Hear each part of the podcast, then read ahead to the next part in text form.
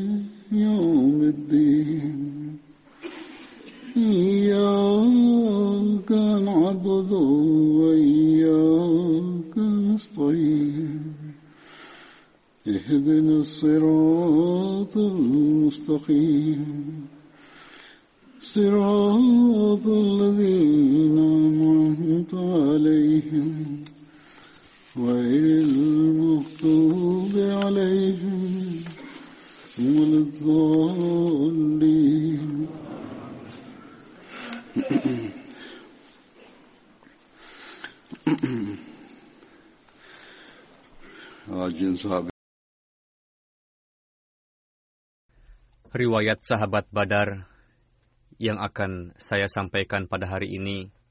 Yang pertama adalah Hadrat Abu Huzaifah bin Utbah. Julukan beliau Abu Huzaifah. Diriwayatkan bahwa nama beliau adalah Hushaim atau Hashim atau Qais, Hisal atau Miksam. Ibunda beliau bernama Ummi Sofwan Nama aslinya Fatimah binti Sofwan. Beliau berpostur tubuh tinggi dan berparas tampan. Beliau bayat sebelum Rasul memasuki Darul Arqam.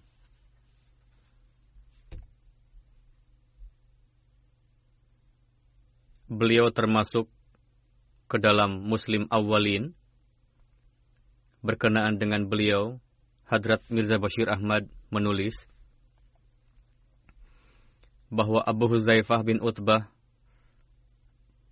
berasal dari Bani Umayyah. Ayah beliau bernama Utbah bin Rabi'ah,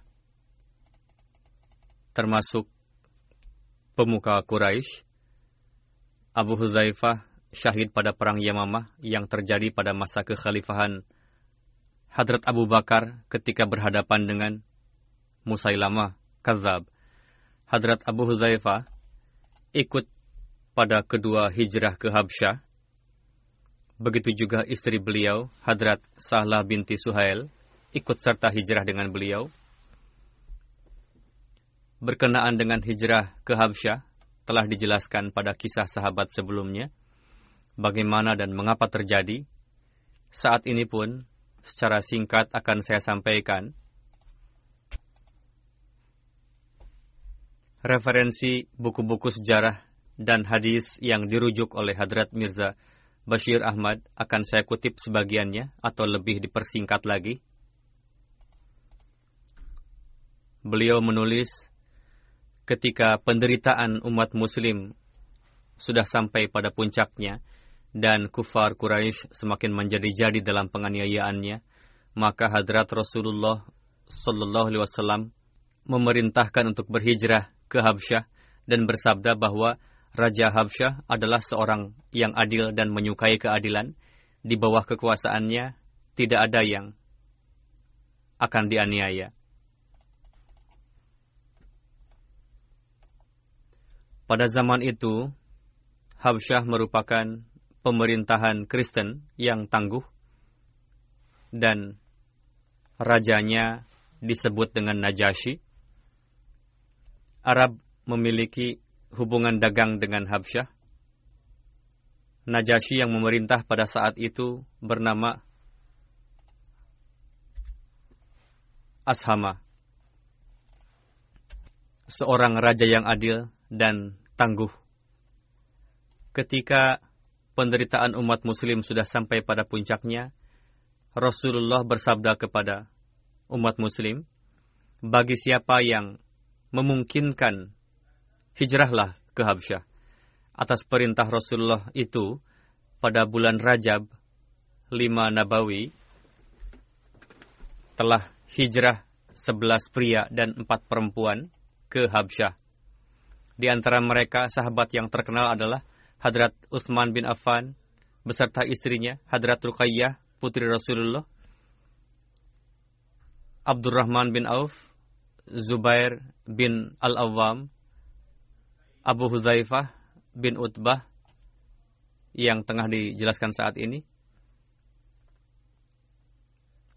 Uthman bin Maz'un, Mus'ab bin Umair, Abu Salamah bin Abdul Asad beserta istri istrinya, Hadrat Ummu Salamah. Hadrat Mirza Bashir Ahmad menulis, merupakan hal aneh bahwa sebagian besar sahabat yang hijrah pada masa awal adalah orang-orang yang berasal dari kalangan pembesar, kabilah Quraisy, sedangkan kalangan yang lemah jumlahnya sangat kurang, dari itu dapat diketahui dua hal. Pertama, umat muslim dari kalangan pembesar pun tidak luput dari penganiayaan kaum Quraisy. Kedua, orang-orang lemah, misalnya hamba sahaya dan lain-lain, keadaannya sedemikian lemah dan tak berdaya, sehingga untuk hijrah pun mereka tidak mampu. Ketika para muhajirin ini berangkat ke arah selatan, dan sampai di Syaibah, yang pada masa itu merupakan pelabuhan Arab yang mana dengan karunia Allah Ta'ala, mereka menemukan sebuah kapal dagang yang sudah siap untuk berangkat ke Habsyah. Lalu mereka menumpangi kapal tersebut.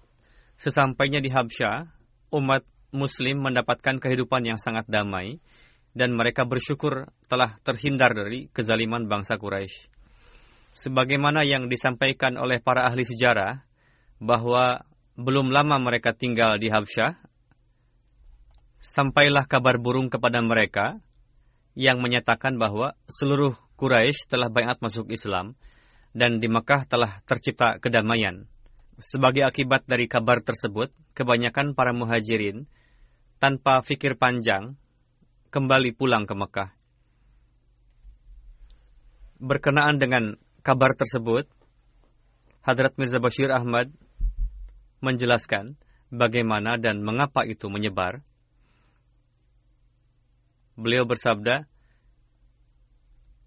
dengan merujuk pada berbagai sumber sejarah, bahwa meskipun pada hakikatnya kabar tersebut sama sekali palsu dan tidak berdasar, yang mana dihembuskan oleh kufar Quraisy, yang pastinya bertu bertujuan untuk menyusahkan dan membuat para muhajirin kembali ke Mekah. Bahkan jika direnungkan lebih dalam, kisah kabar burung dan kembalinya para muhajirin nampak tidak berdasar. Namun beliau menulis bahwa jika hal itu dianggap benar, mungkin saja itu didasari oleh riwayat yang diterangkan pada sebagian hadis dan sebagaimana terdapat dalam hadis suatu riwayat bahwa suatu ketika hadrat Rasulullah menilawatkan surah An-Najm di depan Ka'bah, pada saat itu juga terdapat banyak pemuka Quraisy, begitu juga umat Muslim. Ketika Rasul selesai menilawatkan ayat tersebut, lalu beliau bersujud dan diikuti oleh seluruh umat Muslim dan kaum kufar yang ada di sana.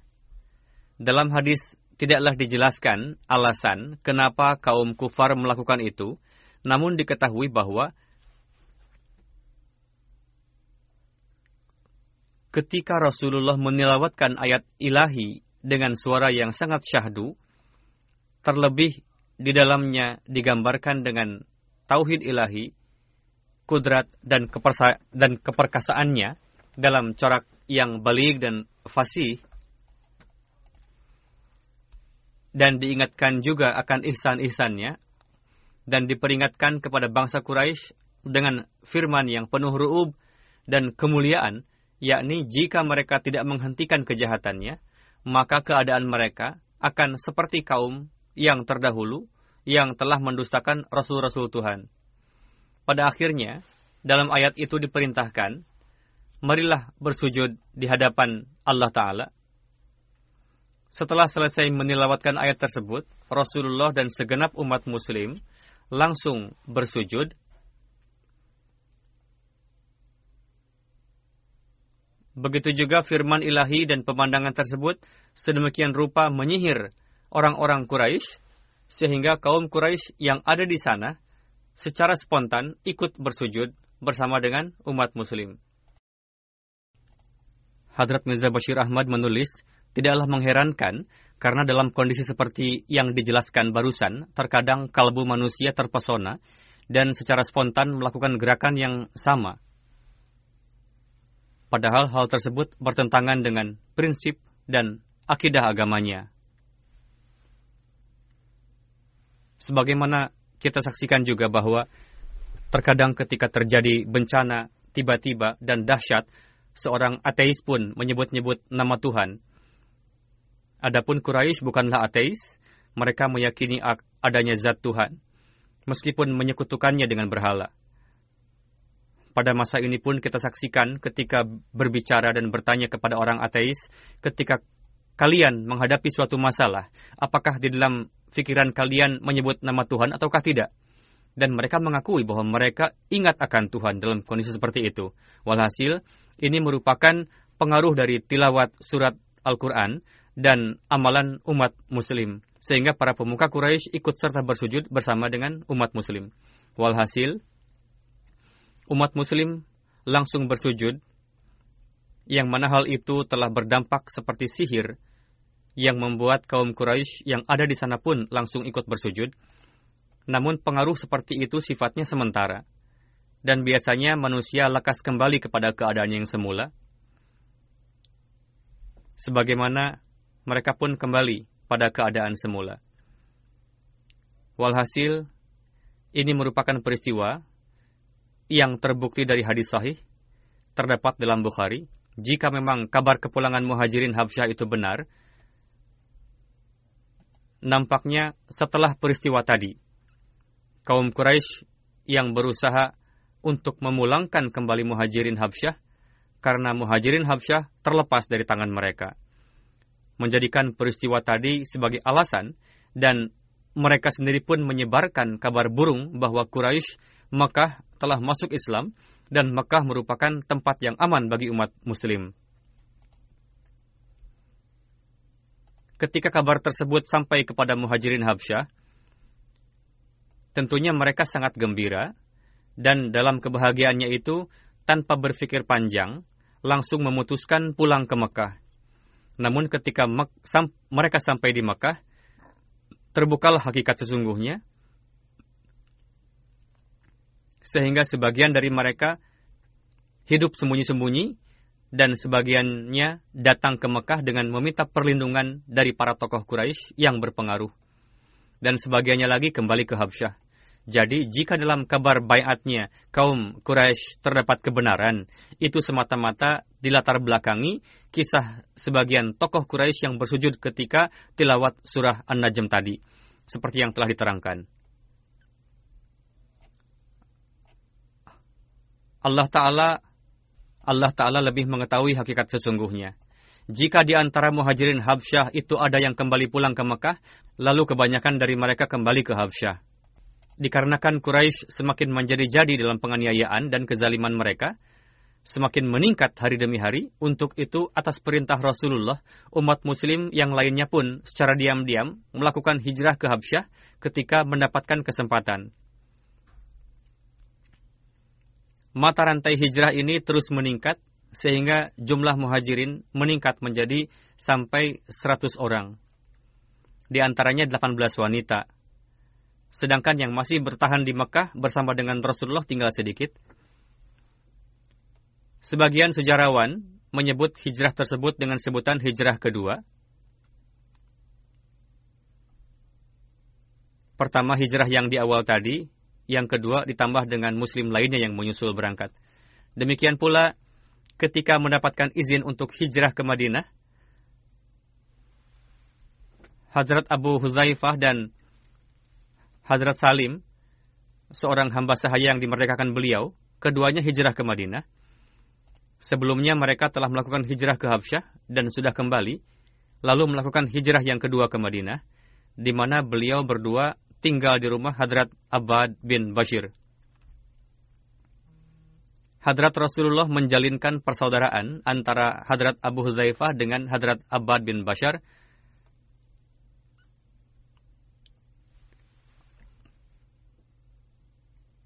Hadrat Abu Huzaifah ikut serta juga dalam syariah Hadrat Abdullah bin Hajash. Saya akan sampaikan kisah lengkap latar belakang syariah dengan Abdullah bin Hajash yang terdapat dalam buku Sirat Khatamun Nabiyyin.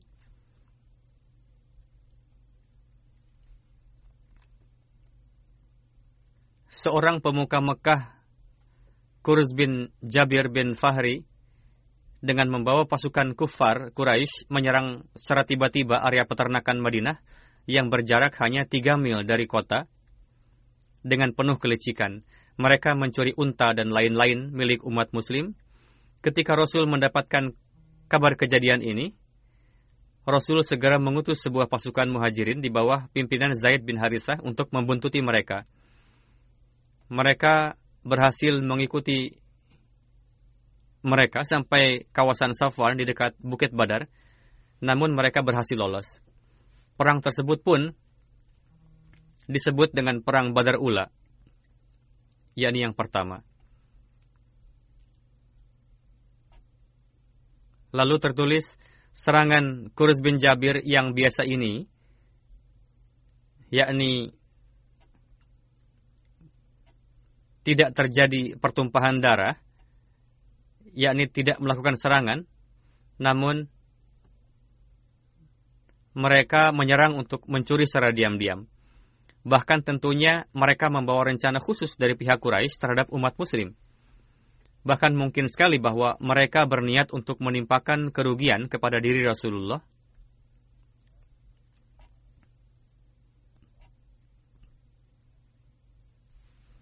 Namun setelah melihat kesigapan umat muslim, mereka pergi lagi dengan hanya mencuri unta-unta. Dari ini juga dapat diketahui bahwa Quraisy Mekah berirada untuk menyerang Madinah dan membunuh umat muslim.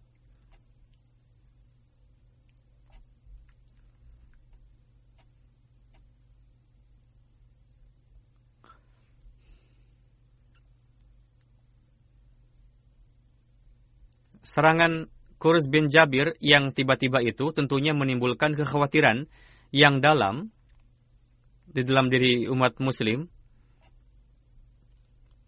karena ancaman para pemuka Quraisy ini sudah ada sejak sebelumnya yang menyatakan bahwa kami akan menyerang Madinah dan membunuh umat muslim. Hal itu membuat umat muslim sangat khawatir.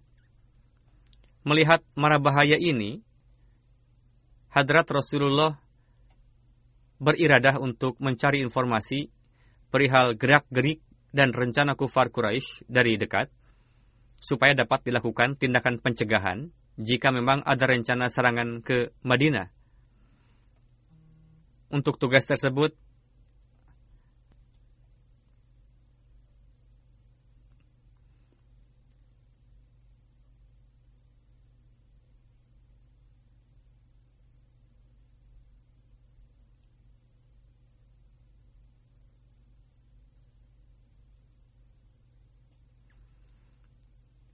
Untuk tugas tersebut, Hadrat Rasulullah mempersiapkan satu grup yang terdiri dari delapan orang muhajirin.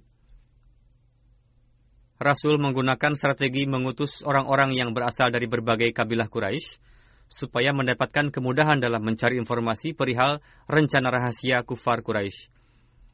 Rasul juga menetapkan sepupu bernama Abdullah bin Hajaz sebagai ketuanya di dalam pasukan tersebut ada juga Huzaifah bin Utbah supaya tujuan dikirimnya grup dikirimnya grup ini tidak diketahui oleh umat muslim Sampai-sampai beliau pun tidak memberitahukan kepada komandan pasukannya perihal ditugaskan ke mana dan untuk apa pasukan ini. Untuk itu, Rasulullah menitipkan surat yang tertutup, rapat, kepada ketuanya dan bersabda bahwa di dalam surat ini tertulis petunjuk bagi kalian. Ketika kalian sampai di suatu tempat yang jaraknya dua hari perjalanan dari Madinah, bukalah surat ini dan amalkan sesuai dengan petunjuk yang ada di dalamnya. Lalu Abdullah dan kawan-kawannya berangkat sesuai dengan perintah Rasulullah. Setelah menempuh perjalanan dua hari, Abdullah membuka petunjuk Rasulullah di dalamnya tertulis, Pergilah kalian ke lembah Nakhlah yang berada di antara Mekah dan Taif. Di sana carilah informasi mengenai Quraisy, lalu kabari kami. Karena tugas mencari informasi di tempat yang dekat dengan Mekah sangat beresiko, di bawahnya beliau juga menulis bahwa setelah mengetahui misi ini, jika ada di antara kawanmu yang enggan untuk terus bergabung dalam grup ini dan ingin kembali pulang, maka diizinkan untuk kembali lagi.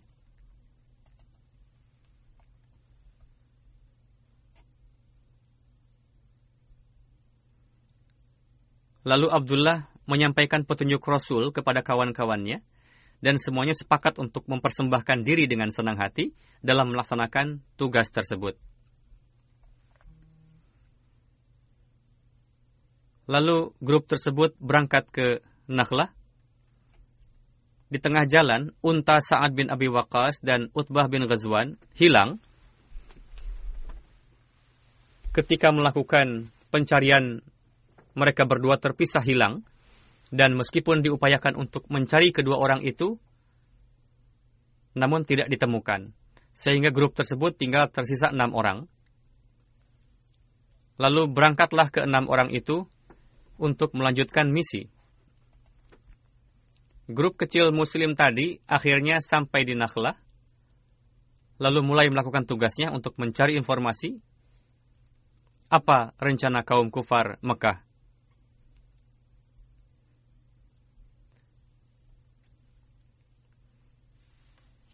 Demi untuk merahasiakan misi itu, sebagian dari mereka bahkan mencukur habis rambutnya supaya orang melihatnya tidak merasa curiga dan menyangka bahwa mereka tengah melakukan umroh.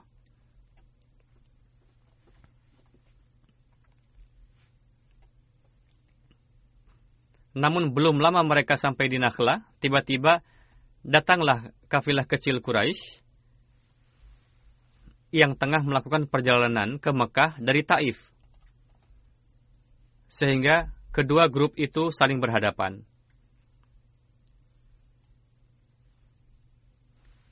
Walhasil, kafilah itu mengetahui bahwa ini adalah grup muslim.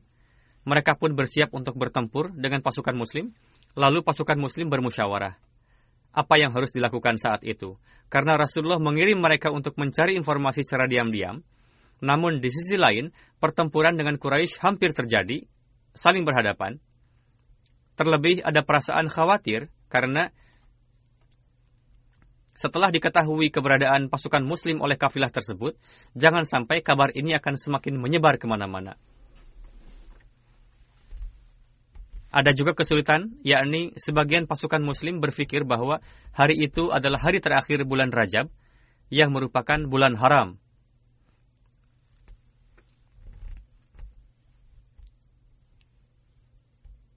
Dan berdasarkan tradisi kuno Arab, di dalam bulan tersebut tidak boleh ada peperangan. Sedangkan sebagian sahabat beranggapan bahwa bulan Rajab telah berlalu, sudah memasuki bulan Syaban. Berdasarkan riwayat lain bahwa pasukan itu dikirim pada bulan Jumadil Akhir. Mereka ragu bahwa saat itu adalah bulan Rajab. Namun di sisi lain, lembah Nakhla pun posisinya terletak di perbatasan kawasan haram. Jelaslah bahwa jika pada hari itu tidak diputuskan, maka esok hari kafilah itu akan memasuki kawasan haram. Walhasil setelah mempertimbangkan semua itu, keenam sahabat ini memutuskan untuk menyerang atau menawan kafilah tersebut atau membunuh Akhirnya pasukan muslim menyeru nama Allah lalu menyerang mereka yang mengakibatkan terbunuhnya seorang kafir yang bernama Amru bin al-Hidrami dan dua orang lainnya ditawan. Namun yang keempat melarikan diri dan pasukan muslim tidak berhasil menangkapnya. Dengan demikian usulan untuk menyerang dan menawan itu telah berhasil. Setelah itu pasukan muslim menguasai harta kafilah. Karena satu orang berhasil kabur sehingga kabar pertempuran itu akan segera menyebar di Makkah. Untuk itu Abdullah bin Jahaj dan kawan-kawannya segera membantu harta rampasan itu dan kembali ke, ke Madinah. Para orientalis juga melontarkan keberatan atas peristiwa tersebut dengan menyatakan bahwa pasukan muslim sengaja dikirim untuk menyerang kafilah yang jelas jelas melanggar. Walhasil, ketika Rasulullah mengetahui bahwa pasukan muslim menyerang kafilah, beliau sangat murka. Sebagaimana dalam riwayat dikatakan bahwa ketika pasukan muslim ini menghadap kepada Rasulullah dan beliau mengetahui seluruh kejadian, beliau sangat marah lalu bersabda, saya tidak mengizinkan kalian untuk berperang di bulan suci dan Rasul pun menolak untuk menerima harta rampasan. Atas hal itu, Abdullah dan kawan-kawannya merasa sangat menyesal dan beranggapan bahwa saat ini kita telah binasa disebabkan oleh marahnya Tuhan dan Rasulnya. Mereka sangat ketakutan. Para sahabat lain pun marah karena mereka telah melakukan perbuatan yang tidak diperintahkan. Dan kalian juga telah bertempur pada bulan yang diharamkan. Padahal dalam misi tersebut, kalian tidak diperintahkan untuk bertempur. Di sisi lain, kaum Quraisy pun meributkan bahwa umat muslim telah melanggar kesucian bulan haram, disebabkan ada yang terbunuh di antaranya Amr bin al-Hazami dan seorang tokoh lainnya dan juga Utbah bin Rabi'ah yang merupakan sekutu pemuka Mekah, untuk itu telah membakar gejolak api amarah bangsa Quraisy sehingga mereka melakukan persiapan yang lebih lagi untuk melancarkan serangan ke Madinah. Walhasil, peristiwa tersebut telah menimbulkan kehebohan yang luar biasa di antara kaum kufar dan muslim. Mereka mengatakan, coba perhatikan umat muslim telah menyerang pada bulan yang diharamkan. Hadrat Mirza Bashir Ahmad menulis dalam buku Sirat Khatam Nabiin, pada akhirnya turunlah ayat Al-Quran berikut yang memberikan ketentraman kepada umat muslim,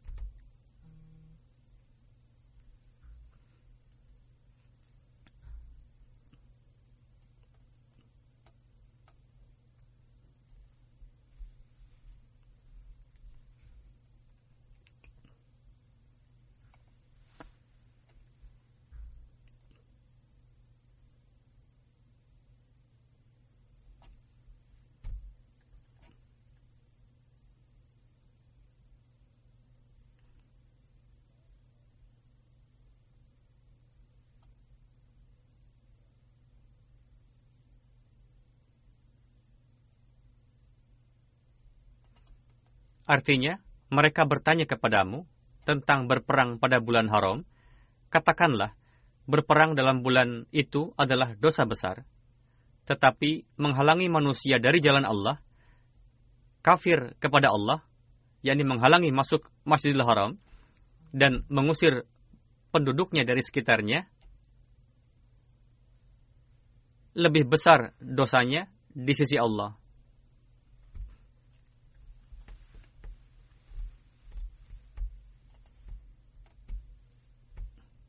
Dan berbuat fitnah lebih besar dosanya daripada membunuh. Mereka tidak henti-hentinya memerangi kamu sampai mereka dapat mengembalikan kamu dari agamamu kepada kekafiran.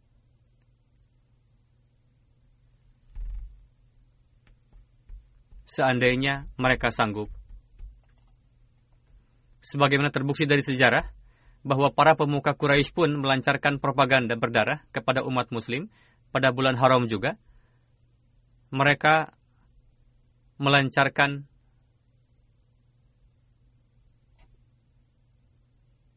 pada bulan-bulan yang diharamkan untuk berperang. Bahkan mereka memanfaatkan perkumpulan dan perjalanan yang dilakukan pada bulan haram dan pada bulan-bulan tersebut mereka semakin gencar melakukan kekacauan dengan tidak ada rasa malu sama sekali untuk memberikan kepuasan palsu di hati mereka, merubah-rubah bulan-bulan kemuliaan itu dan menyebutnya dengan nisi.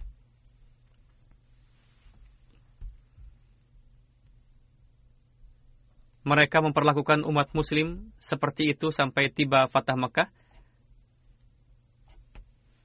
bahkan sudah sampai pada puncaknya. Hadrat Mirza Bashir Ahmad menggunakan istilah yakni mereka telah menimpakan bencana. Yakni dalam periode Sulh Hudaybiyah meskipun sudah dibuat perjanjian yang jelas namun kaum kufar Mekah dan sekutunya menyerang kabilah sekutu umat muslim di kawasan yang diharamkan. Ketika pasukan muslim berangkat untuk membantu kabilah sekutunya itu dalam mereka pun terjadi pertempuran di kawasan yang diharamkan. Dengan jawaban yang diturunkan Allah Ta'ala dalam Al-Quran memberikan ketentraman kepada umat muslim dan mendinginkan kufar Quraisy juga. Pada masa itu ada utusan Quraisy yang datang Madinah untuk membebaskan dua kawannya yang ditawan pihak muslim dari suatu kafilah.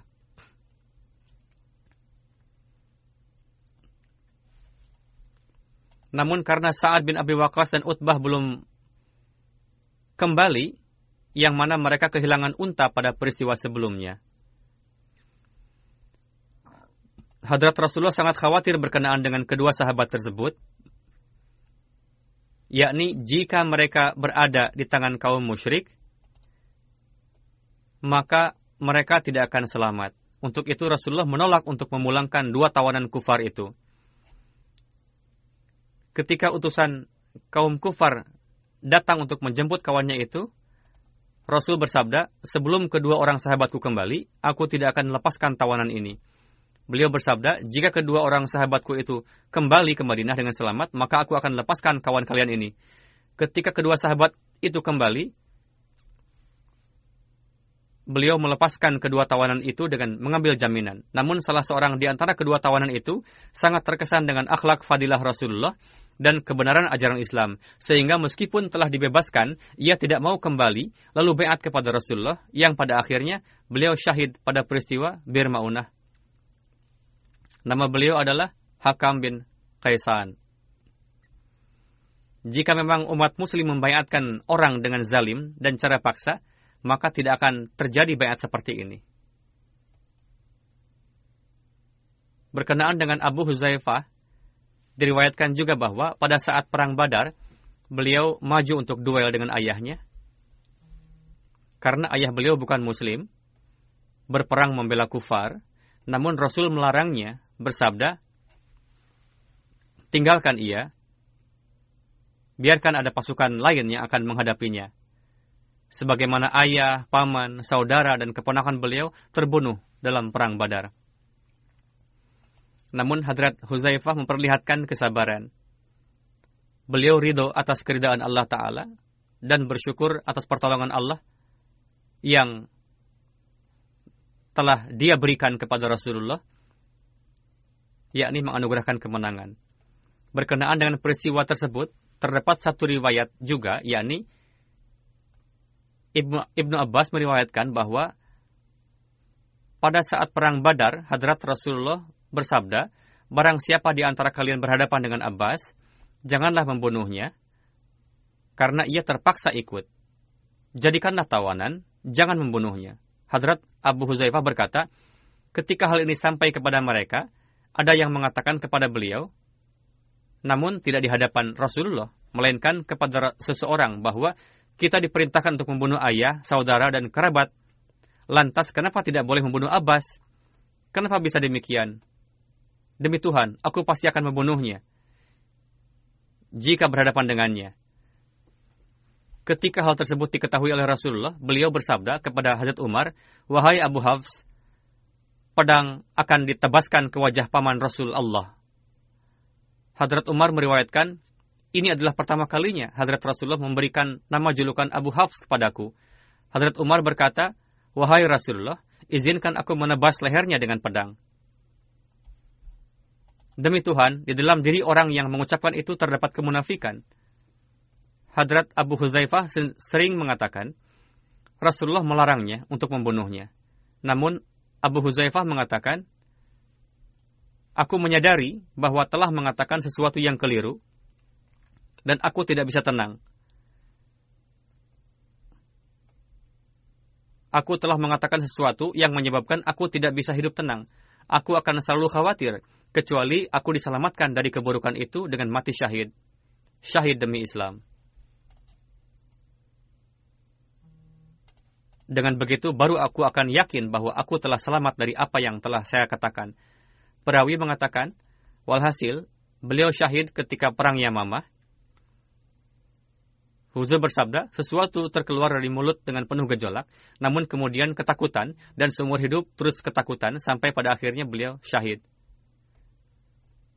Hadrat Aisyah meriwayatkan bahwa Rasulullah memerintahkan untuk memasukkan mayat orang-orang musyrik yang terbunuh ke dalam sebuah sumur, lalu dimasukkanlah semuanya ke dalam sumur. Rasulullah sambil berdiri di dekat sumur bersabda, Wahai yang ada di sumur, apakah kalian melihat janji yang disampaikan oleh berhala kalian terbukti benar?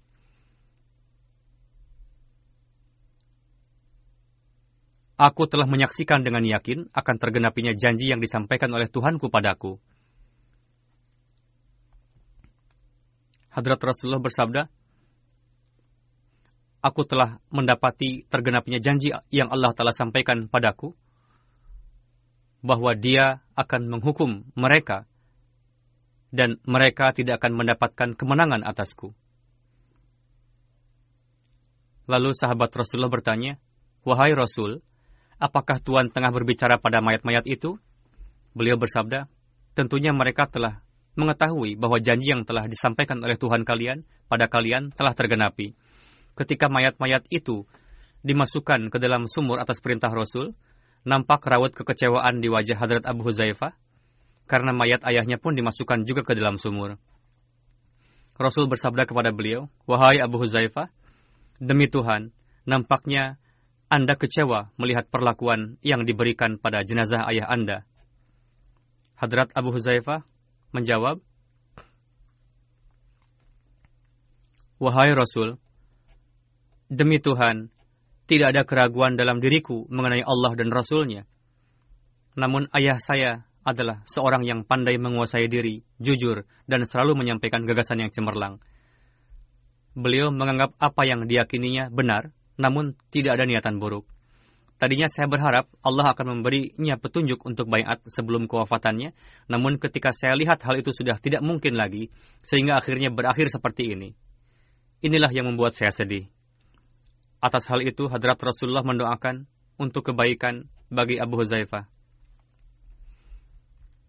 Hadrat Abu Huzaifah mendapatkan taufik untuk menyertai Rasulullah dalam seluruh peperangan. Pada akhirnya, beliau syahid dalam perang Yamamah pada masa kekhalifahan Hadrat Abu Bakar Siddiq pada usia 53 atau 54 tahun.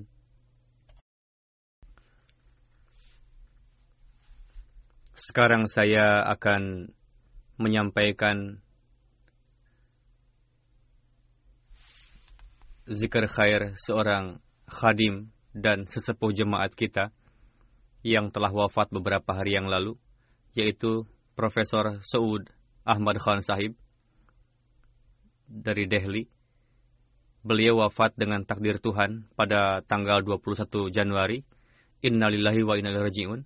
Ayahanda beliau, Hadrat Muhammad Hasan Ihsan, termasuk di antara sahabat Hadrat Masih Maud salam,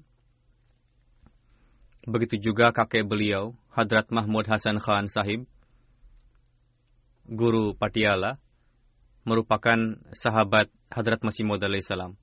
Hadrat Masih Maud salam mencantumkan nama beliau pada urutan ke-301 dalam daftar 313 sahabat beliau, yaitu Maulwi Mahmud Ahmad Khan Sahib, mudarris dan karyawan Patiala.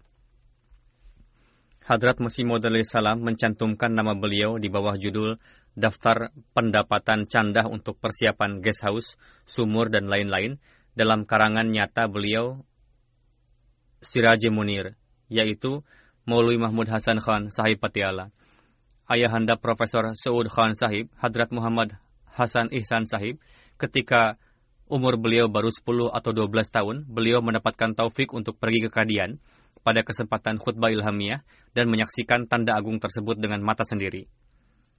Profesor Saud Khan Sahib mewakafkan diri pada bulan April tahun 45. Beliau lulus BA pada bahasa Farsi dari Aligarh. Seraya menceritakan wakaf beliau beserta saudara-saudara beliau, Hadrat Muslim Ma'ud bersabda dalam khutbah Jum'ah tahun 55, Saya anggap bahwa Master Muhammad Hasan Ihsan Sahib telah memperlihatkan teladan yang patut dipuji. Beliau adalah guru biasa dan seorang yang tak mampu. Beliau menahan lapar dan mengajar anak keturunan serta membuatnya lulus. Kemudian menyerahkan empat anak dari tujuh anak bagi jemaat. Keempatnya masih mengkhidmati agama. Hampir semuanya berkhidmat dengan keikhlasan wakaf yang sebenarnya.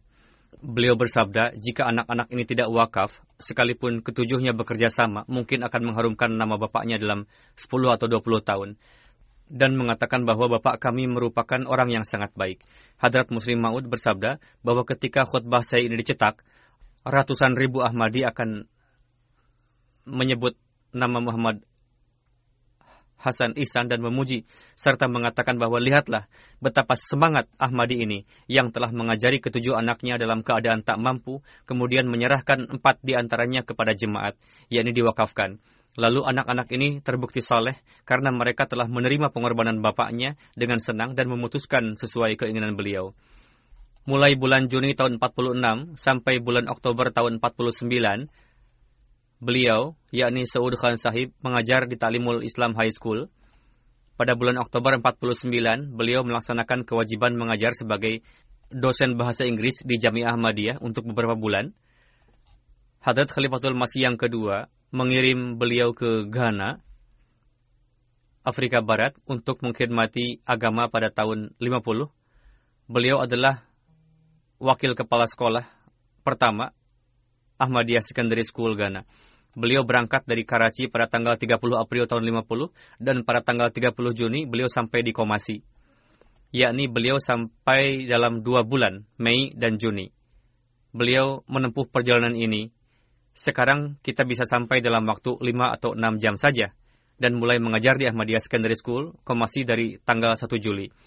Mengapa perjalanan beliau begitu lama? Berkaitan dengan itu, keponakan beliau, Irfan Khan, mengatakan secara tertulis bahwa beliau berangkat dari Rabuah ke Ghana pada penugasan pertama dan penderitaan pedih selama tiga bulan, hampir menjadi dua bulan, sehingga beliau sampai di Komasi. Pada masa itu, perjalanan ditempuh dengan berganti kapal laut, tidak menggunakan kapal udara, bahkan beliau pergi menggunakan kapal laut. Oleh karena itu, beliau berangkat dari Karachi menuju Eden. Beliau mendapat tiket tanpa makan dengan harga 160 rupiah dari Eden sampai Ghana. Beliau menempuh perjalanan hingga Nigeria selain kapal laut, yaitu menggunakan bis, truk, dan kapal udara. Untuk membeli tiket 55 pound kapal udara Nigeria, beliau menjual box besi dan barang-barang lain dan mengikat barang pribadi beliau dalam satu cadar. Kemudian rumah misi Nigeria memberi beliau tiket bis hingga Ghana beliau menempuh perjalanan menggunakan kapal udara untuk sampai di Nigeria. Beliau menjual barang sendiri. Pada tahun 50 berangkat dari Nigeria hingga Ghana menggunakan bis mengenai keberangkatan 8 mubaligin Ahmadiyah ke Afrika Barat, Timur, dan Holland pada tahun 50, nama beliau paling atas dalam gerakan Ahmadiyah. Di sana tertulis nomor satu, Saud Khan Sahib berangkat dari Lahore tanggal 25 1329 Hijriah menuju Ghana. Atas instruksi Hadrat Muslim Maud, beliau datang ke Pakistan pada tahun 58 dan lulus MA bidang sejarah dari Punjab University. Selama itu ayahanda beliau bergelar MA bidang sejarah. Setelah itu, beliau lulus. Selama itu, ayahanda beliau, Muhtaram Muhammad Hasan Ihsan Sahib, wafat pada bulan Agustus 55. Ketika beliau berada di Ghana, ayahanda beliau wafat. pada tahun 61 beliau ditetapkan lagi di Ghana. Beliau mendapat taufik untuk mengkhidmati agama hingga tahun 68. Dengan persetujuan Hadrat Khalifatul Masih yang ketiga, selama perjalanan huzur ke Eropa, di Masjid Mubarak Rabuah diadakan majelis talqin pada salat maghrib, yaitu pidato tarbiyat tiap hari 15 menit. Program tersebut dimulai sejak 7 Juli dan didengar dengan sangat antusias dan terjadi majelis ilmiah. Dalam dalam majelis tersebut disampaikan pidato-pidato oleh ulama jemaat, termasuk juga beliau. Pada kesempatan jasa salana, beliau mengatur penerjemahan pidato-pidato. Beliau mendapat kesempatan untuk menerjemahkan pidato-pidato Hadrat Khalifatul Masih yang ketiga ke dalam bahasa Inggris dan beliau menjalankan tugas tersebut hingga jelasah terakhir Rabuah. Di antara murid-murid Profesor Suud Khan Sahib adalah Mukaram Abdul Wahab Adam Sahib Ghana dan BK Ado Sahib yang tinggal di sini termasuk juga setelah kembali ke Pakistan pada tahun 68, Hadrat Khalifatul Masih yang ketiga menyerahkan tugas mengajar kepada yang terhormat Profesor Suud Khan Ahmad Khan Sahib di Talimul Islam College pada tahun 69. Hadrat Khalifatul Masih yang keempat menetapkan Profesor Suud Khan sebagai dosen bahasa Inggris selama setahun di Jamiah Ahmadiyah. Ketika beliau ditetapkan di Jamiah Ahmadiyah, beliau mendapat taufik untuk berkhidmat di Talimul Islam College sebagai dosen. Oleh sebab itu, pada tanggal 2 Maret 87, beliau mulai tugas di Jamiah Ahmadiyah dan melaksanakan pengkhidmatan ini selama setahun. Tentang Profesor Saud Khan Sahib, abang beliau, Masud Khan Dehlawi Sahib, editor Al-Fadl, yang telah wafat beberapa tahun lalu, senantiasa mengatakan bahwa saudara kami Saud Ahmad adalah mobile library. Pengetahuan beliau luas sekali. Beliau adalah ilmuwan. Putri beliau, Rashidah Sahibah, menulis bahwa ayah sangat lembut, bertabiat rendah hati, dan memiliki keilmuan yang luas. Beliau ahli ibadah, dawam salat tahajud. Beliau amat memuliakan tamu dan manusia yang rendah hati apa yang mereka tulis memang benar adanya. Keponakan beliau, Nafis Ahmad Atik, seorang mubalik jemaat, mengatakan bahwa beliau berkarakter rendah hati, mutaki, dan bertawakal pada Allah, insan yang baik dan sederhana. Kesetiaan dan gejolak pengkhidmatan beliau terhadap agama mengandung corak teladan bagi semua wakifin zinegi. Mubalik sahib suatu kali mengatakan kepada saya bahwa pakaian dan sarana lain hendaklah dipakai sesuai keperluan. Fashion hidup mengada-ada dan kemegahan tidak sesuai bagi seorang wakaf zindagi. Aspek rasa malu dalam kehidupan beliau juga sangat nampak. Murid Saud Khan Sahib, Aike Ilyasi Sahib, Beliau dari Ghana menulis Saud Sahib dari tahun 50 sampai 55 sebagai asisten prinsipal atau naib prinsipal awal di Talimul Islam Secondary School, Komasi, dan Dr. S.P. Ahmad Sahib prinsipal pertamanya. Saud Sahib adalah seorang yang mahir dalam bidang bahasa Inggris, sejarah Inggris, dan Eropa. Beliau senantiasa mengajarkan ini kepada mereka. Kemudian, kawan-kawan dari Ghana menulis, sejauh berkaitan dengan grammar Inggris beliau, khususnya pembagian kalimat, saya tidak melihat yang seperti beliau. Dan mengatakan bahwa beliau sangat berperan dalam memperbaiki bahasa saya. Mubashir Ayasa, Prinsipal Jamiah Ahmadiyah Rabuah Senior Section, menulis bahwa Profesor Saud Khan Sahib adalah tokoh yang sangat rendah hati dan seorang alim jemaat yang terus mengajar di Jamiah Ahmadiyah selama kami menjadi mahasiswa dan senantiasa hadir di kelas tepat waktu hingga tahun terakhir Jamiah.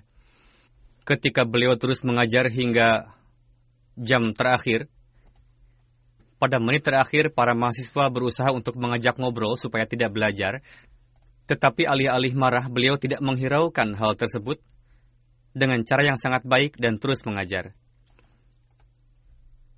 Beliau menulis bahwa saya mencatat satu hal. beliau sangat menghormati para mahasiswa wakaf zindagi dan bila harus mengingatkan seseorang dengan keras atau satu hal, beliau juga memperhatikan kehormatan dan wibawa orang tersebut. Kemudian, beliau juga menulis bahwa pada masa awal MTA, ketika berbagai program direkam, beliau menugaskan Suud Khan Sahib untuk merekam program Siratun Nabi. Beliau sudah berusia tua, namun beliau menyiapkan semua program dengan banting tulang dan membagi soal-soal kepada kami. Semua soal beliau tulis sendiri. Kadang suasana bisa memanas dan bisa terjadi perdebatan. Tidak harus begini, tidak harus begitu. Akan tetapi beliau adalah seseorang yang lembut dan rendah hati sehingga tidak pernah dahi beliau mengkerut. Rasanya seolah-olah tidak ada hal pahit yang menyinggung beliau. Dengan senyuman ringan, tenang hati, dari mana program terhenti, dari sana rekaman dimulai kembali. Setelah wafat Profesor Saud Khan Sahib, tetangga yang tinggal di sekitar beliau, Fazal Ilahi Malik Sahib, mengekspresikan hal yang membuat kita terharu. Beliau menceritakan bahwa setiap orang tidaklah mendapatkan tetangga yang baik seperti ini. Beliau sangat sederhana dan seorang alim. Beliau meninggalkan seorang putri dan dua putra. Putra beliau Saad Suud Sahib sedang berkhidmat sebagai ketua di jemaat di satu jemaat di UK.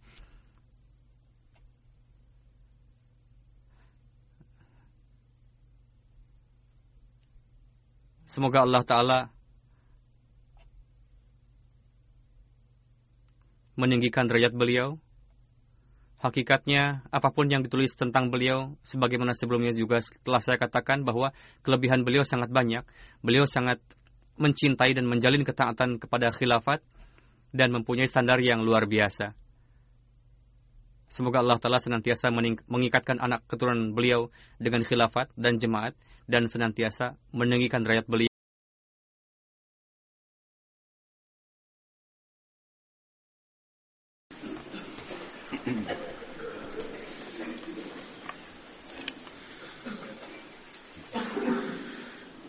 الحمد لله الحمد لله نحمده ونستعينه ونستغفره ونؤمن به ونتوكل عليه. ونعوذ بالله من شرور أنفسنا ومن سيئات أعمالنا. من يهده الله فلا مضل له ومن يضلل فلا هادي له. ونشهد أن لا إله إلا الله ونشهد أن محمدا عبده ورسوله. عباد الله رحمكم الله. إن الله يأمر بالعدل واللسان وإيتاء ذي القربى. وينهى عن الفحشاء والمنكر والبغي يعظكم لعلكم تذكرون. اذكروا الله يذكركم وادعوه يستجب لكم ولذكر الله أكبر.